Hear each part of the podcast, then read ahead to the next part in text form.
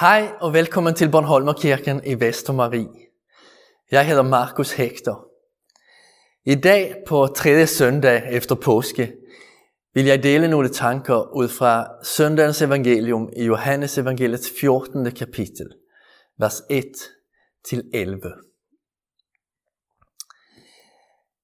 Ved det tilfælde sad min bror på metroen og lyttede til nogle ældre børn, som havde en livagtig diskussion om indvandringspolitik.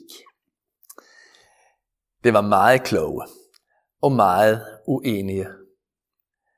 Hvor mange udlændinge kunne vi tage imod? Hvad var fordelerne ved at hjælpe i nærområdet? Hvad krav skulle der stilles til dem, der fik asyl? Efter at have siddet der og fascineret lyttet et stykke tid, stillede min bror sig spørgsmålet, hvem er det egentlig, jeg sidder og lytter til? Hvorfra har det fået sine holdninger? Det tog ikke så lang tid at finde frem til svaret. Jeg sidder og lytter til deres forældre. Disse børn siger præcis det, som deres forældre siger, når de sidder derhjemme og samtaler om politik og nyheder. Jesus er ikke et barn, som ikke helt har lært at tænke selvstændigt endnu. Gud styrer ham ikke som en robot. Men i evangeliet i dag siger Jesus, at det er faderen, altså Gud i himlen, som han viser frem for verden. Alt hvad han siger, er faderens ord. Alt hvad han gør, gør faderen gennem ham. Den, der tror på ham, tror på faderen. Den, der kender ham, kender faderen. Jesus er i faderen, og faderen er i ham. Han er et med Gud. Han er vejen til Gud, sandheden om Gud og livet fra Gud. Når man læser evangelierne, er der ingen tvivl om Jesu identitet som Gud og menneske. Men det er ikke alle steder, det bliver lige så tydeligt udsagt, som her i Johannes evangeliet 14. Nu kan man spørge sig, hvorfor det er vigtigt for Jesus at markere sin enighed med Gud, sin enhed med Gud, og få disciplene at tro på den. Drives han af et personligt magtbegær? Ønsker han at vise sig stor og imponerende? Nej, slet ikke. Jesus drives af omsorg. Jeres hjerter må ikke forfærdes, siger han. Det er Jesu formål med det, han fortæller sine disciple. Han vil give dem ro og tillid. Så siger han noget, der nærmest må have chokeret disciplene. Han bruger en beskrivelse af et bryllup, hvor han er brudgommen og disciplene bruden. Det var ved denne tid den blivende brudgums opgave at gå hjem og forberede en plads i huset, hvor han og den kommende brud kunne flytte ind. Jesus fortæller disciplene, at han går hen for at gøre lige det i sin faders boliger. Og han lover dem, at han skal komme igen og tage dem hjem til sig. Det Jesus siger til sine disciple lyder, kort fortalt, Jeg elsker jer så højt, at jeg vil giftes med jer. Jeg vil være sammen med jer for altid. Disciplene forstod nok, at der ikke var noget seksuelt i den kærlighedsforklaring. Og alligevel må det have været grænseoverskridende for dem at høre på det. Men Jesus mente det. Og i vers 20 i kapitlet gentager han det. En dag skal I erkende, at jeg er i min fader, og I er i mig, og jeg i jer.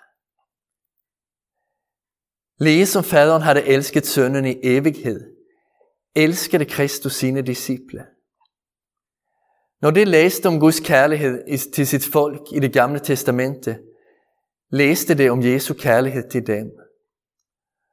Og når det så, hvordan Jesus glemte sig selv, hvordan han kun tænkte på dem, arbejdede, led og døde for dem, så så det faderens kærlighed til dem. I dag vender Jesus sig til hver og en af os og siger, jeres hjerter må ikke forfærdes. I må ikke være bange, for jeg elsker jer og er med jer.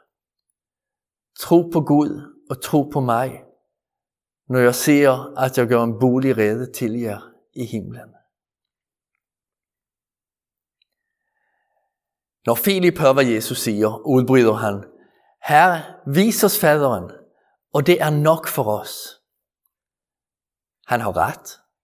Vi er skabt for noget større end dette liv og denne faldende verden. Vi er skabt for at have os sammen med Gud.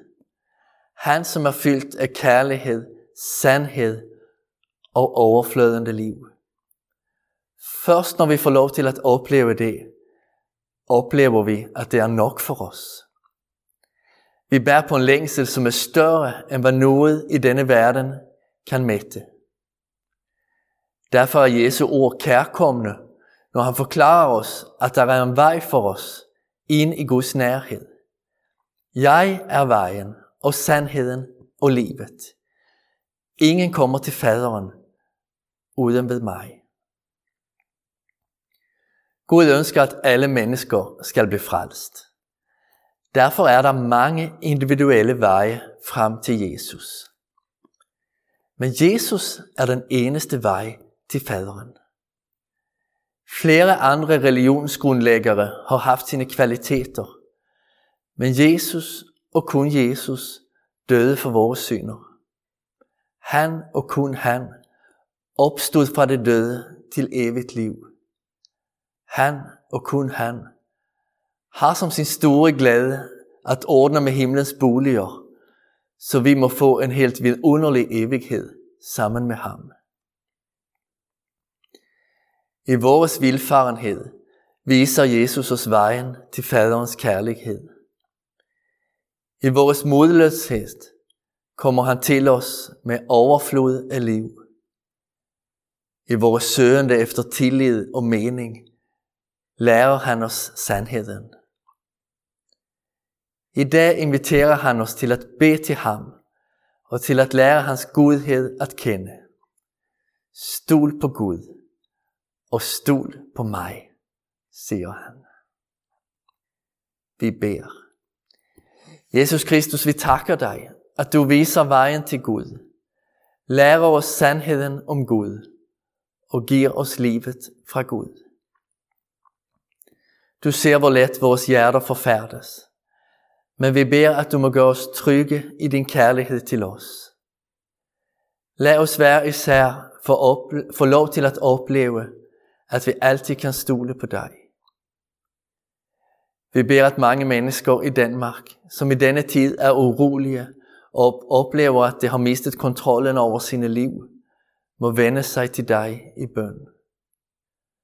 Hør deres råb og svar dem i deres nød. Lad dem forstå, at du søger efter dem og længes efter at være sammen med dem. Vor far, du som er i himlene, helliget blive dit navn, komme dit rige. Sker din vilje som i himlen, således også på jorden. Giv os i dag vores daglige brød, og forlad os vores skyld, som også vi forlader vores skyldnere.